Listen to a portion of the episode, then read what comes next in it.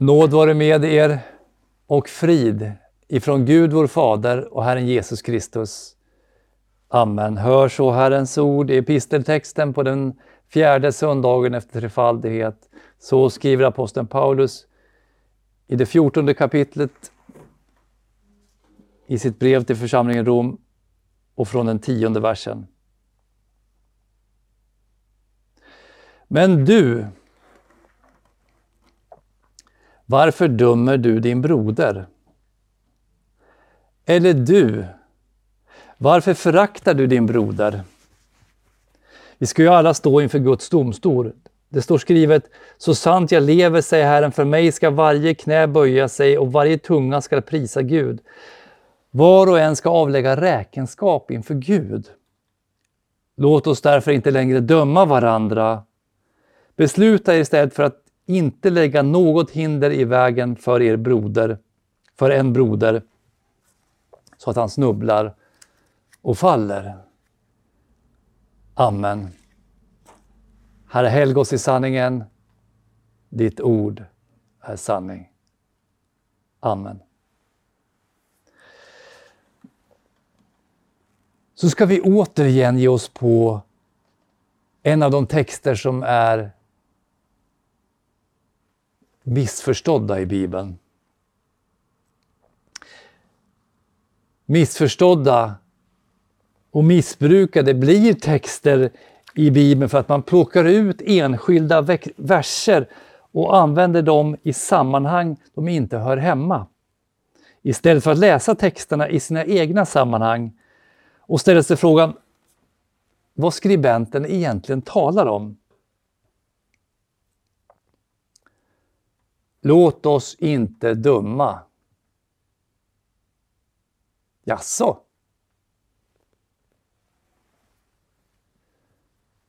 Nej, han kan verkligen inte mena att man, man inte ska få tala om vad som är sant och falskt, vad som är rätt och fel. Eftersom Paulus i hela brevet tar upp sådana saker. Och inte bara för att han har mandat. Han ber också oss att döma i sådana avseenden. Inte bara om vad som är sant och falskt. Han ber oss också till och med att döma personer. Att ta avstånd ifrån villolärare till exempel. Som han skriver i det sextonde kapitlet och den sjuttonde versen. Jag uppmanar er bröder att ge akt på dem som vållar splittring och kan bli till fall i strid mot den lära som ni har fått undervisning i. Vänd er bort ifrån dem. Så vad handlar då egentligen dagens text ifrån Romarbrevet om? Ja, hela Romarbrevet är ju en, en lärobok i kristen tro. Och han följer i sitt brev i Romarbrevet här strukturen som man har i, i de flesta av sina brev med inledande hälsning, undervisning och sen i avslutningen förmaningar.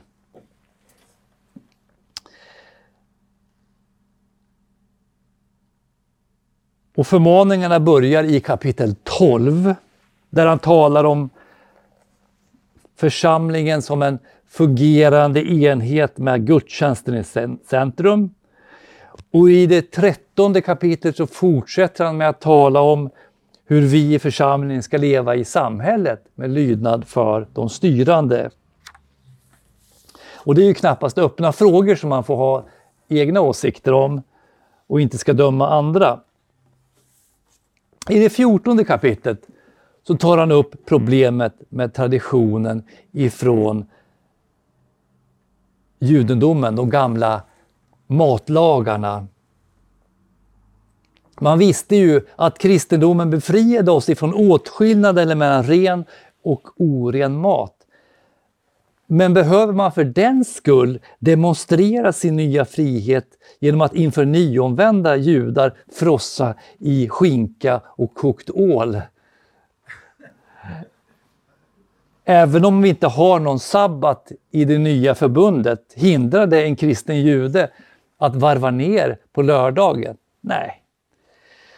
Jag tror man måste läsa Paulus ord i Romarbrevet i ljuset av hans brev till församlingarna i Galatien, som han skrev ungefär tio år tidigare och som säkert skrivits av och spridits till församlingen också i Rom.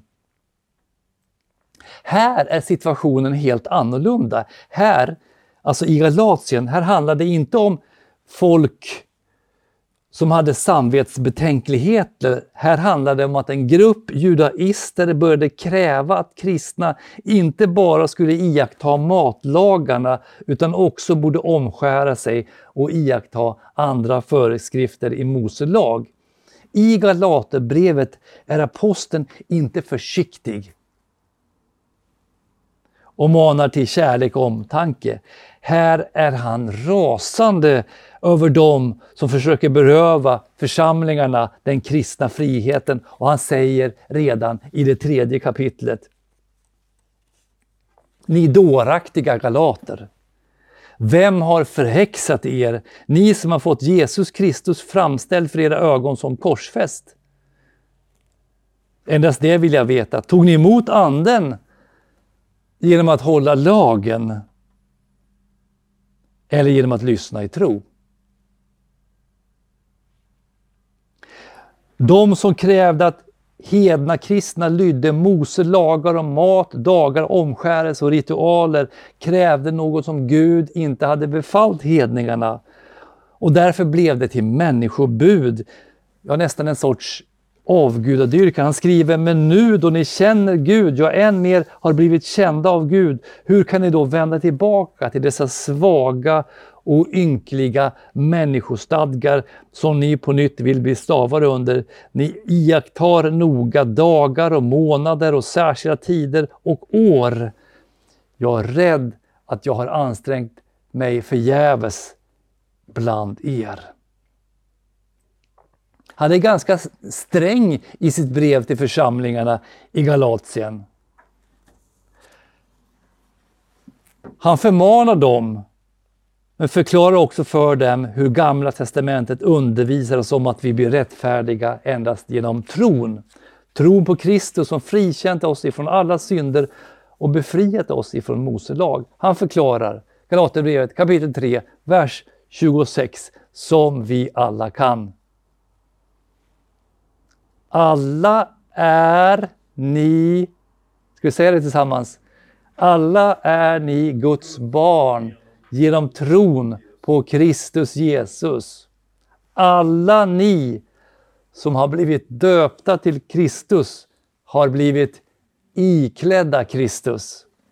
Här är inte jude eller grek, slav eller fri, man och kvinna. Alla är ni ett i Kristus Jesus. På sin andra missionsresa så besöker han församlingarna i Galatien och nu verkar läget vara återställt. De har läst hans brev och tagit emot Guds ord. Situationen i Rom är helt annorlunda. Här handlar det inte om en grupp judaister som ville återinföra Mose lag som norm för församlingen. Här är det egentligen tvärtom. Här har man gemensamt insett att vi är befriade från Mose bud om sabbat, matlagar och omskärelse. Men den kristna friheten kan också landa i en sorts legalism. Församlingen, församlingen bestod av både hedningar och före detta judar. Nu visste de att det, i Kristus så handlar det inte om vad för mat man äter eller om man vilar på en viss dag i veckan. Men det kan ta tid innan samvetet blir helt befriat. Om man hela sitt liv för, förberett all mat på fredagen, på lördagen går man till synagogan, så sitter man hemma under lördagen och läser Moseböckerna eller citerar dem ur minnet och undviker att arbeta.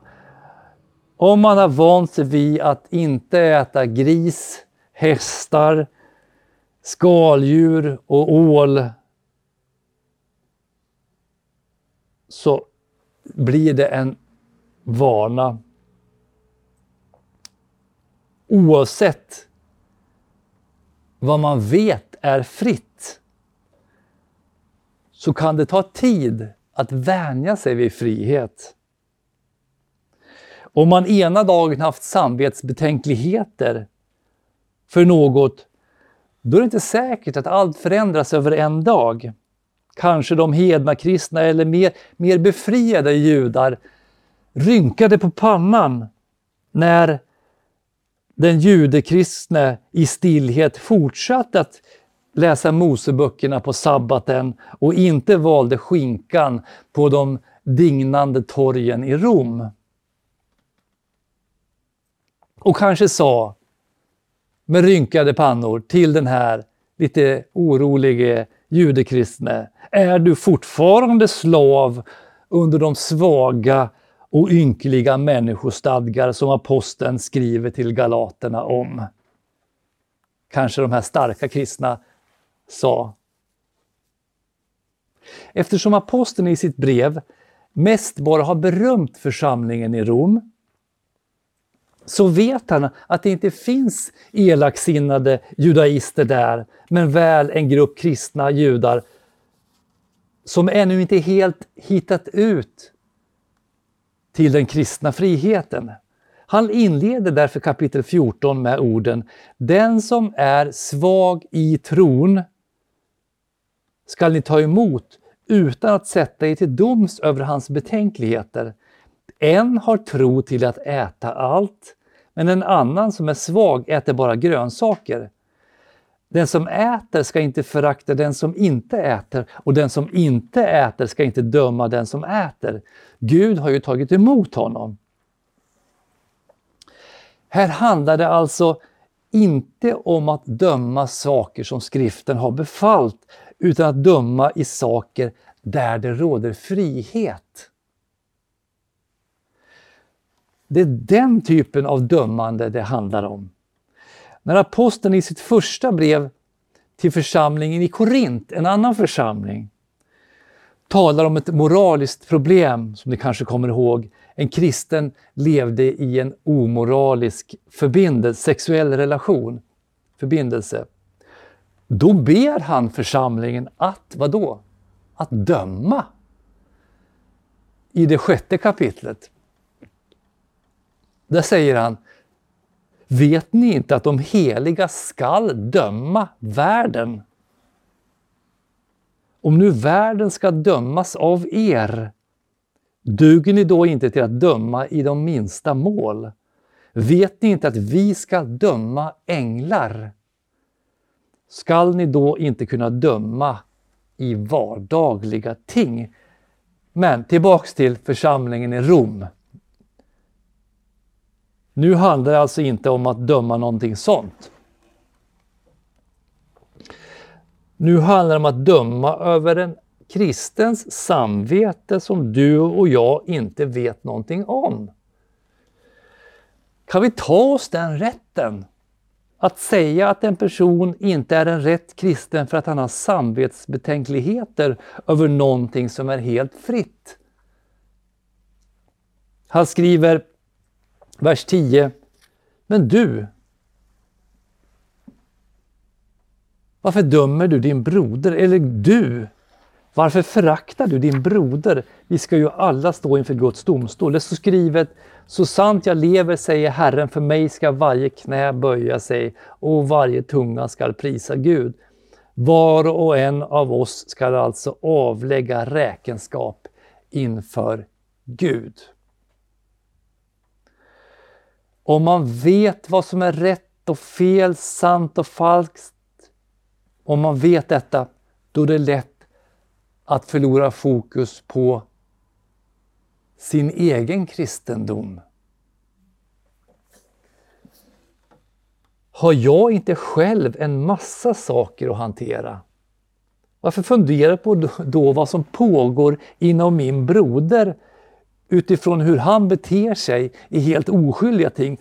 Han verkar nervös. Han verkar orolig.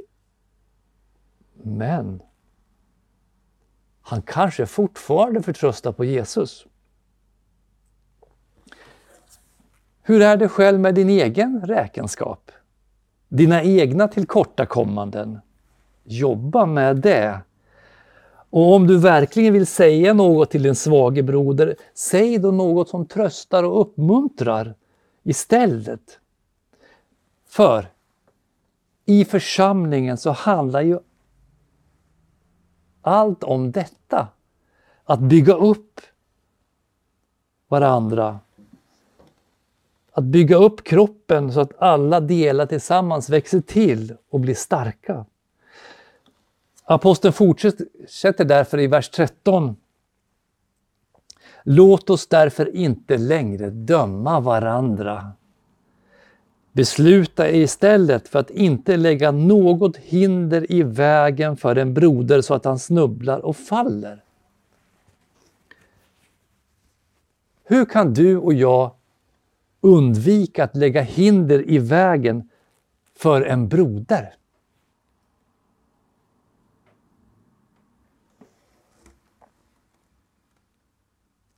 Kanske jag inte borde säga allt jag tycker och tänker om saker och ting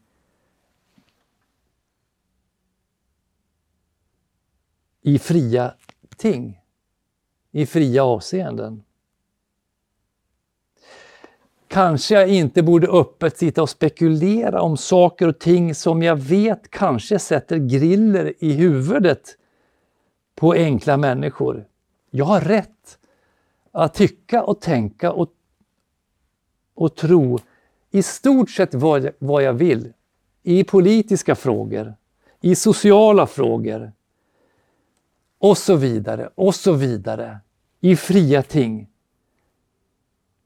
Men bygger det upp min syster eller broder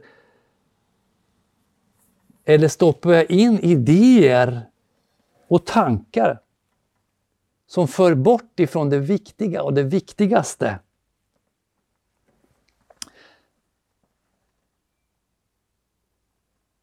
Jag kan till och med, ja, det kan till och med vara teologiska frågor som egentligen är fria och öppna frågor.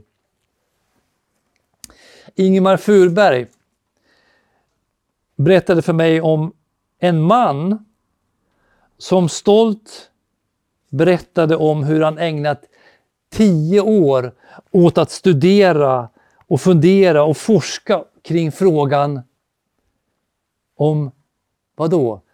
Jo, tidpunkten för Kristi reala närvaro i nattvarden. Tio år! Vilket fruktansvärt slöseri med tid, sa eh, Ingvar Furberg. vilken, vilket fruktansvärt slöseri med energi för det viktiga, eller för det enda Bibeln talar om, är ju vad vi tar emot i Herrens heliga nattvard, Kristi kropp och blod. Inte vilken tidpunkt som Kristus kommer till brödet och vinet. Spekulationer. Om man håller på och pratar om till exempel de här frågorna kring tidpunkten för närvaron, som Luther kallar kärringaktiga frågor, eh, så skapar man nervösa kristna som sysslar med strider och dömande som är helt utanför kristen tro. Besluta er istället för att inte lägga något hinder i vägen för en broder. så att han inte snubblar och faller. Så lyder dagens text. Att inte sitta och spekulera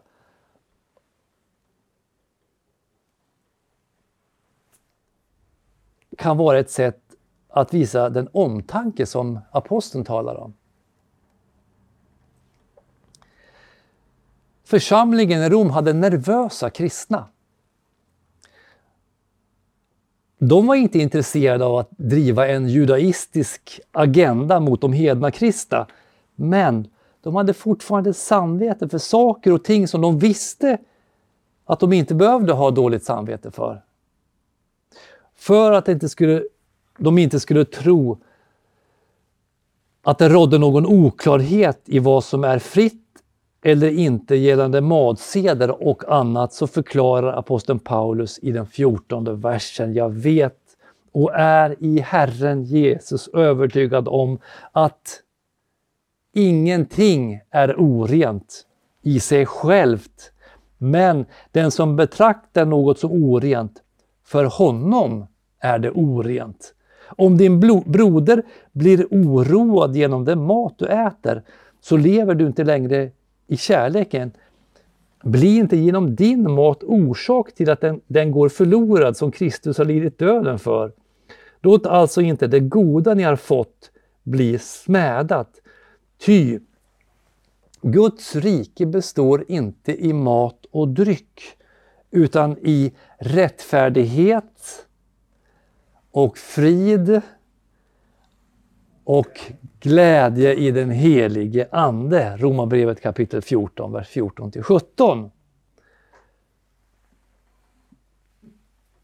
Låt oss stanna vid detta sista. Om vi fokuserar vid det väsentliga som hela skriften talar om, rättfärdighet, Kom ihåg alla orden nu. Rättfärdighet och frid och glädje i den helige Ande. Så förlorar allt utanför skriftens lära sin betydelse. Rättfärdighet. Det vill säga att Gud förklarar syndaren rättfärdig, den ogudaktige rättfärdig. Va? Jo, han gör, kan göra det för Kristi skull. Därför att Jesus har varit lydig under Guds lag och tagit dina och mina synder på korset och straffats för dem är vi rättfärdiga i honom. Och genom tron på honom, vi är friköpta och förlåtna genom hans blod på korset. Och därför har vi frid med Gud. Fred med Gud. Vi är inte längre rädda för den straffande guden.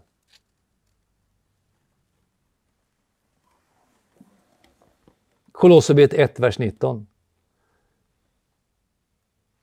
Gud beslöt att låta hela fullheten bo i honom, alltså i Kristus, och genom honom försona allt med sig sedan han skapat frid i kraft av blodet på hans kors.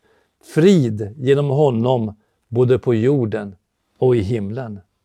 Frid. Ett så underbart ord. Frid. Det betyder att man kan vila ut. Kampen är slut. Kriget är slut. Kristus har vunnit seger på korset. Frid. Eiren på grekiska. Shalom på hebreiska. Frid, fred. Men vi har också glädje i den helige Ande. Glädje. Har vi kämpat med våra synder, vår svaghet, våra tillkortakommanden och då mest suckat och kanske gråtit över hur vi misslyckats i förhållande till Gud och medmänniskan, så är det över nu. Jesus har sonat allt. Han har betalt din och min skuld. Han har förlåtit oss och på korset är allt färdigt. På den grunden kan vi vara glada. Det är en glädje i den heliga Ande. En djup och bestående glädje. Amen. Låt oss bedja. Himmelske Fader, så tackar vi dig för att idag har påmint oss om den kristna friheten. Att vi är befriade ifrån så många saker. Men tack för att du också påmint oss om att friheten innebär ansvar. Innebär att vi ska visa kärlek till svaga bröder, att ta hänsyn, att visa omsorg, att inte väcka anstöt. Herre, hjälp oss och förlåt oss så att vi kan leva på ett sådant sätt så att vi bemöter vår, våra bröder och systrar med kärlek, omtanke, försiktighet.